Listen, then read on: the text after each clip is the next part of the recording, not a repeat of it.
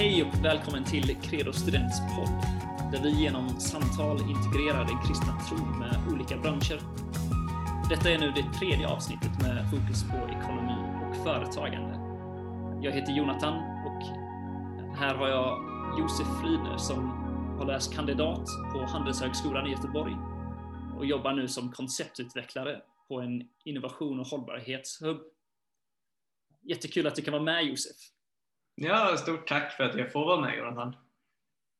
Ja, men det, det är en glädje. Och, eh, men du kan väl presentera dig lite mer. Vad, vad är det du sysslar med nu för tiden? Ja, men precis.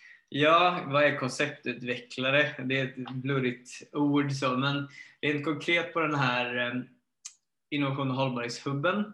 Vad, vad vi gör där, vad ambitionen är, det kallas det Space. Och det vill vara i mellanrummet mellan alla olika aktörer i samhället. Men man ser att alla globala problem, alltså eh, eh, miljöutsläpp, eh, plast i haven och de här bitarna, det tillhör inte bara en sfär i samhället, så att alla sfärer måste samarbeta. Så vi är liksom i mitten av där eh, och eh, försöker få alla de här aktörerna att eh, lösa de här problemen tillsammans. Då. Och vad vi gör då är att vi tar in studenter från Handelshögskolan och Chalmers som skriver sina mastersuppsatser via oss. Det är en sak vi gör. Och så får de, kopplar vi ihop dem med, med företag och organisationer, både liksom kommunala organisationer och privata företag, NGOs och liknande, där de skriver sina masteruppsatser med för att facilitera ett samtal helt enkelt däremellan.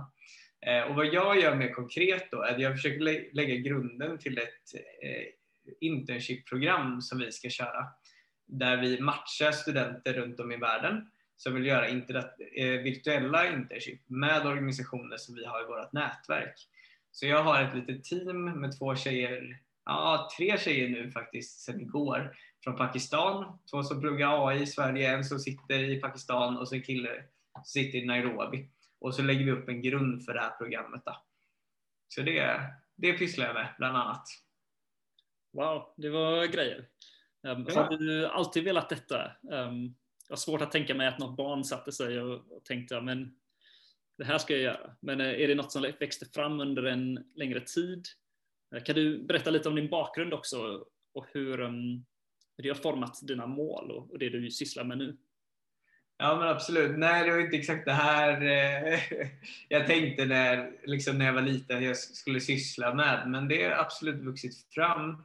Och min story, helt enkelt hur jag kom in i businessvärlden, ehm, börjar, eh, kan börja med mina föräldrar. Så, försöker hålla det här koncist och bra. Nej, men mina föräldrar har varit missionärer eh, via UMU, Ungdom med uppgift, och de träffades i, i Spanien eh, för många, många år sedan. Och sen pluggade pappa i, i teologi i England och så kom de till Sverige, fick mig. Ehm, men det var liksom min bakgrund. Jag fick en verkligen missionärs teologisk bakgrund väldigt långt borta från business-sfären. Vi hade, de hade inga businesskompisar utan det var liksom folk som jobbade i kyrkan eller ute på fältet, eh, eller hur man nu ska säga. Men någonstans när jag var liten så insåg jag att ja, men jag, jag läste en massa böcker om missionärer som hade förändrat samhällen så, genom att ge, ge människor Guds ord. Och jag kände att jag vill också göra en skillnad i världen. Eh, och någonstans så landade det när jag var liksom 10 år eller 12 att ja, men ger man människor ett jobb Ger man människor ett fiskenät istället för en fisk, då, då kan man fatt, bekämpa mycket fattigdom och göra något bra. Och jag vet inte, absolut inte var det kommer ifrån, för jag hade inte den typen av förebilder. Men då, då satte sig det i mitt medvetande. Så tänkte jag plugga ekonomi på gymnasiet. Det blev inte så. Det blev att jag pluggade samhällskunskap. Men då satte jag som mål att jag skulle komma in på Handelshögskolan i Göteborg eh, med mina betyg. Eh, när jag började gymnasiet. Så då fixade jag de betygen som behövdes och så tog det tre år för mig att komma till Handels. Eh, men eh, ja, och nu är jag klar då sedan i våras och har börjat med det här jobbet och pysslar med en del annat också. Men det är liksom bakgrunden, det är något som har vuxit fram och det har liksom varit som en inre, inre kompass som alltid sagt att jag ska dit. Och så har det tagit lite tid men eh, nu är jag där, där Gud har talat att jag skulle vara. Wow, och det är ett ganska stort steg som du säger från alltså, missionärsbarn till entreprenörsvärlden. Ehm, men har du haft några, eller har du hittat några förebilder som har liksom lett in på det spåret? Ja, men absolut. Um, vi, eh, alltså generellt sett socialt entreprenörskap, för det är det jag är intresserad av, hur kan man använda bolag för att kunna göra en eh, positiv förändring i världen? Eh, så finns det William Wilberforce, han var inte en entreprenör, eller han var i alla fall ingen företagare, men han var politiker i, eh, i England under slutet på 1700-talet, början på 1800-talet som var med och avslutade slaveriet i England. Det är det han är känd för, eller la grunden till att det skulle avskaffas. Men han hade som ambition att höja moralen i hela det brittiska samhället och då startade massvis med olika organisationer eh, för, eh, alltså för de, de, som inte kunde läsa, de som inte kunde, um, ja, de fattigaste i samhället, eh, Eh, för att djur inte skulle bli misshandlade och så byggde han liksom en social infrastruktur för att lyfta hela samhället. Så det har, varit, det har varit en jättestor inspiration. Och när det kommer till just företagande så tycker jag det här med Gnosjöandan i Småland är fantastiskt, eh, fantastiskt inspirerande. Eh, för det var en man, nu kommer jag inte ihåg exakt vad han heter, pinsamt nog, men han blev frälst i en väckelse där i de småländska skogarna. Och eh, och eh, så här, använde sitt för, företag för att skapa, skapa välstånd för det här lilla samhället. Och han var otroligt entreprenöriell och driven så han fick liksom järnvägen att bli dragen förbi Gnosjö så att man kunde få liksom, eh, saker dit, folk kunde färdas, man kunde få igång en turistnäring antar jag, men liksom logistiskt han upp det. Han fick elen dit. Hans företag, hans industriföretag eh, eh, gjorde att många fick arbete och sen var det många som sen ville starta egna företag. Och istället för att försöka hålla kvar dem i sitt eget bolag så hjälpte han dem igång. Så han startade också en bank som kunde ge dem de första, deras första banklån eh, och liknande. Sen har det liksom knoppats av, jag kommer inte ihåg, men typ över hundra företag från honom och det från hans bolag och det har gjort en jättestor impact helt enkelt i det samhället. Eh, och det finns många sådana exempel. Det finns exempel i Norge med Hauge som var en evangelist som var eh, predikare och missionerade runt om i de norska dalgångarna och där i hans fotspår så byggdes det också upp mycket företag. Det blev liksom social väckelse där också. Människor fick Jesus, människor kunde börja ta hand om sina familjer, skapa, skapa bolag. Så det har varit stora inspirationer. Så. Spännande var många kristna som utifrån deras övertygelser att älska sin nästa som har gjort så mycket under ja, åren och eh, decennier och seklar. Ja, men det finns här. Mm. Men eh, ja, varför företagsvärlden? Varför inte starta till exempel en LP-verksamhet eller något? Varför företag? Ja, men det, det ligger väldigt mycket i eh, inte ge ett fiske utan ge ett fiskenät. När det gäller LP och många andra så biståndsorganisationer. Jag jobbade på Erikshjälpen väldigt länge och tycker det är en fantastisk organisation. Um, och de för, frågorna man jobbar med där, kanske vi jobbar typ med att, att få, eh, minska könsstympningen av flickor runt om i världen exempelvis. Och det är väldigt svårt att skapa ett bolag runt det. Um, så sådana frågor måste jobbas med biståndsmässigt. Men många andra frågor när det gäller att få sätta mat på bordet för människor så tror jag, eller vet jag att det blir bättre att ge människor en försörjning, alltså hjälpa dem att få ett arbete istället för att pacificera människor och bara ge dem pengar i handen. Jag, jag var tre veckor i Rumänien och jobbade på ett socialt bolag eh, där som eh, de hade interiörfirma helt enkelt. De gjorde jättefina skärbrädor och bord och stolar i valnöt och ek och grejer. Verkligen så superbra design så de fick med då romer som fick ta hand om, ja, sköta produktionen, de här bitarna. Och de kunde ge de här anställning, vilket gjorde att de växte som människor istället för att bara sitta och, och tigga helt enkelt. Um, ja, du gör människor, du, du jobbar med empowerment och gör människor självständiga på ett helt annat sätt. Så. Och det tycker jag om. Det tycker jag är väldigt, väldigt bra med företagande. Ja, precis som du säger, det är väl en annan typ av, av sätt att göra gott. Liksom det, båda är nödvändiga. Ja.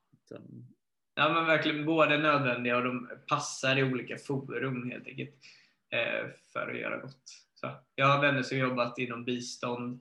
Alltså är det en stor svältkatastrof någonstans så måste du in med mat. Alltså folk har inte mat för dagen.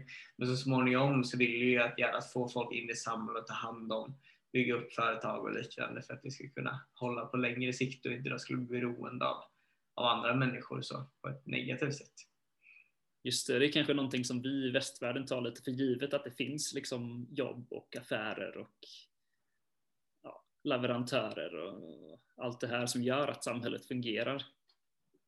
Ja men verkligen, ja, men vi tar det verkligen för givet men det är eh, Nej, nej men kan man använda marknadskrafterna på ett positivt sätt så kan man få igång ett samhälle.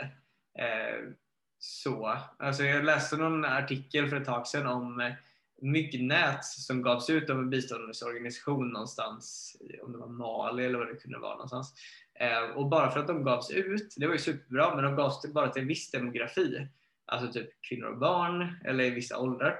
Och sen då äldre, äldre personer som ville ha de här myggnäten också för att skydda sig mot malaria eh, kunde inte köpa det någonstans. För att all, alla gavs ju ut. då fanns ingen poäng för någon att sälja eh, myggnät. Så resten av demografin i det landet missade att få de här myggnäten och skydda sig mot malaria. Och då slår man ut liksom det privata ekosystemet. Så får man igång ett, ett näringsliv så finns, ser man också till att det finns en, en supply, nu pratar jag så mycket engelska vardagsvis, så, eh, tillgång helt enkelt på varor som är väldigt positivt. Just det, jag känner eh, någon i min familj faktiskt som jobbar med um, gräva brunnar i Uganda. Och där har de sagt att det är så otroligt viktigt att människor är med, är med och liksom betalar för, för att hålla igång det, för att det ska bli hållbart. Och att, ja, att det inte är att man gräver något och så tror att det är gjort och liksom att det sköter sig själv, utan människors delaktighet och att, ja, som du säger, empowerment eller vad vet ja. för det. Att, um... ja, målet är ju liksom att målet är att nästa Silicon Valley ska ligga i något land som vi ser som ett u-land idag. Så det är, liksom, vi vill ju, för det är lätt när man ger, det är lätt att man håller kvar människor i fattigdom. Som sagt, det är nödvändigt ge vissa delar ska man. Men målet är ju verkligen att det ska nya Silicon Valley och andra delar runt om i världen där det inte finns idag. Mm. I alla fall min, min dröm. Ja, jag tänker på de exemplen du nämnde. Jag vet inte hur det är i, med, med Småland och så, men jag vet um, William Wilberforce startade bland annat um, RSPCA uh, för djurs rättigheter och de är ja. kvar idag. Liksom. De uh, fick jag möta när jag gick i, i grundskolan. Um, det är ju nästan 200 år, eller det är väl 200 år senare.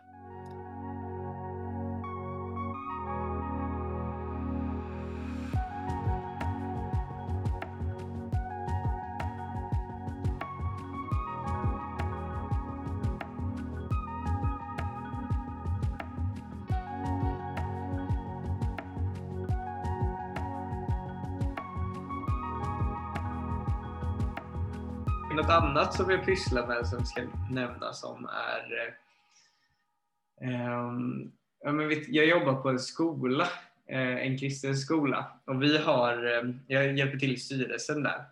Så, och, och där tittar vi på då om vi kan skapa ett samarbete med eh, en innovationshub nere i Nairobi och se om ungdomar som går på deras olika entreprenörskapsprogram kan samverka med våra ungdomar på skolan och lite av våra äldre ungdomar då och eh, gå igenom en entreprenörsträning. Så jag håller på just nu att sätta ihop då ett, eh, ja, ett kursprogram för dem och så börjar jag dra in lite kompisar från olika håll och kanter. En tjej från Hongkong som ska hålla lektioner, en kille från Tyskland, en tjej från Pakistan och sånt där. Bara för att lära dem om socialt entreprenörskap och få dem att samverka. Både svenska studenter och kenyanska studenter. Och de är superduktiga de kenyanska studenterna. De har en kodningsakademi på sin hubb och så. De kan definitivt mer kodning eh, och mjukvaruutveckling än vad jag kan. Så, så jag tror det är, ehm, ja, det är gott. Men också bara se på våra svenska studenter. Så långt fram är det faktiskt inte. Utan det finns många delar i världen enormt långt fram eh, som vi kan lära oss av. Så inte vi blir liksom storebror och lillebror utan verkligen att vi kunna, kunna samverka däremellan och kunna ge, ge till varandra. Det är verkligen på. Ja, vad coolt alltså. Och vem vet vad man kan ha för impact om ja, en hel skola. Liksom, vad, vad, vad händer om några år? Alla hundratals elever som har gått igenom den skolan. Verkligen. De i Nairobi såklart. Ja, och eh, om vi pratar om framtiden. Eh, vad har du för ambitioner för framtiden? Ja, nej men precis. Mina ambitioner är först och främst eh, så, så flyttar jag faktiskt till Hongkong i juli. Jag ska jobba på, eh, ja faktiskt, jag, ska jobba, jag sökte ett jobb, eller en praktikplats på Svenska Handelskammaren i London och sen blev det, sen kom Brexit och sen hamnade jag i Hongkong. Så behöver vi inte gå in på alla detaljer. Eh, men jag kommer dit. Så det är liksom det närmaste och ska jobba då i en handelskammare, så jobbar med att bygga upp då ett, eh, relationer mellan bolag, svenska bolag och bolag i Hongkong, och, men också i liksom det större eh, området runt omkring i Shenzhen och Guangzhou och lite liknande. Så, så, det, så det verkar spännande. jag tänkte att jag skulle hänga i London ett par år och etablera mig där, men nu verkar det som att jag hamnar i Asien, så jag ser mig nog att vara i Asien ett tag, så om det öppnar upp sig med visum efter det här året. Ehm, och vad jag vill göra där är att jag vill eh, vara med och bygga upp ett impact-ekosystem. Det kan vara i Hongkong, det kan vara i Thailand, jag har ingen aning var det kan vara någonstans. Det beror på vad, vad Gud öppnar upp dörren. Men vad jag säger med impact-ekosystem är då det här ekosystemet som finns runt bolag för att få dem att växa och utvecklas. För du, du kan som entreprenör ha en idé. Ja, men jag, vill, jag vill sälja det här och det här eller jag vill skapa, skapa den appen. Men då, sen behöver du ett, eh, ett gäng personer runt dig som hjälper dig utvärdera din affärsidé, hjälper dig med kontakter där du kan hitta underleverantörer, programmerare, eh, folk som kan hjälpa dig med redovisningen hjälper dig hitta investerare, inte minst, som kan hjälpa dig med det första kapitalet du behöver ha för att kunna komma igång med din business. Så jag, jag ser mig, jag kommer gärna starta bolag eh, så småningom, men vad jag vill göra för att ha liksom maximal impact är att hjälpa så många som möjligt och skapa bolag som gör, gör, gör en bättre värld helt enkelt. Och då ser jag mig att jobba på någonting som kallas inkubator eller en accelerator. Inkubator hjälper startup som är precis i sin linda. De har en idé, det är en entreprenör som har en idé och så hjälper man dem att utvärdera idén och så ger man lite kontors, kontor. Typ. Accelerator är typ ett fyra månaders program som man säger är att man köper typ en PT till ett bolag, eller bolaget köper ett PT till sig själv och så tränas man i fyra månader och utvecklar sin affärsmodell eh, och gör en, en företagsutveckling på ja, men fyra månader så kanske tar två år i vanliga fall. Och så i slutet på det här så presenterar man sin affärsmodell för investerare som, då, som man kan hjälpa att få nästa, nästa insatskapital om man behöver för att växa sin business. Så där någonstans ser jag mig. Så jag håller på att utforska då vart exakt jag ska göra i de här eh, institutionerna. Men där hade jag velat hamna nu de närmaste åren. Då. Mm. Så någon typ av meta, alltså bolag som startar bolag? Ja, ja men verkligen. Så jag, jag vet, så vad jag gör just nu, jag har två mentorer som är liksom duktiga företagare och de ger mig massa kontakter. Och så ringer jag upp de här kontakterna och så bokar jag samtal med dem och bara för att höra hur, vad kan man jobba på i, på en inkubator till exempel? Vad finns det för roller där? Vad är det för kunskaper jag behöver? Vilka mjukvaruprogram behöver jag lära mig? Vad är det för utbildningar jag behöver ta för att komma dit? Jag har en väldigt klar vision om vart jag vill någonstans. Så istället för att läsa väldigt brett, ta en master här, ta en master till där, så, så ser jag till att göra den här marknadsundersökningen för mig själv så jag vet exakt vad det krävs av mig. Sen så kanske jag hoppar på en master eller, eh, eller något annat, någon annan utbildning som hade varit bra. Men ja, så, så ser det ut. Nice, så det låter som vi landar i lite tips också om det är studenter som lyssnar. Ja. Mål att läsa in dig på det. Ja men verkligen. Och det kan, jag menar, för mig var det väldigt brett och det har alltid varit ganska brett. Jag vill göra världen bättre. Det är en ganska bred eh, premiss att bygga ifrån. Så. Utan, eh, men man får börja brett och så trattar man, läser man in och så pratar man med folk och så, så trattar man ner och så börjar man hitta vart man ska någonstans. Och folk är väldigt generösa. Alltså, även om, du, även folk som är väldigt busy vill gärna hjälpa folk som har en eh, ambition framåt och vet var, typ var de ska någonstans. Och då kan man få vänta ett par veckor för en halvtimmes samtal, men det är det definitivt värt. Och då kan de länka dig till nästa person du kan, kan fråga. Men vad, ja, folk investerar i människor som har, har eh, tro och ambition liksom, eh, någonstans. Jag är verkligen inte den, alltså, som sagt som ni har hört, jag kommer inte från en businessbakgrund. Det finns många som har med sig saker från modersmjölken som jag får läsa på nu. Så. För de haft det där middagssamtalen och hört om hur pappa och mamma driver sina bolag. Det har liksom jag aldrig haft. Men då får man ta det på annat sätt och fråga folk och så hjälper folk framåt. Mm. Ja, så det finns, uh, finns sätt att ta sig fram. Och... Ja, men verkligen. Ja, men jag får önska dig lycka till med det där. Och, uh, Gud välsigne dig. Jättekul att ha dig på podden här.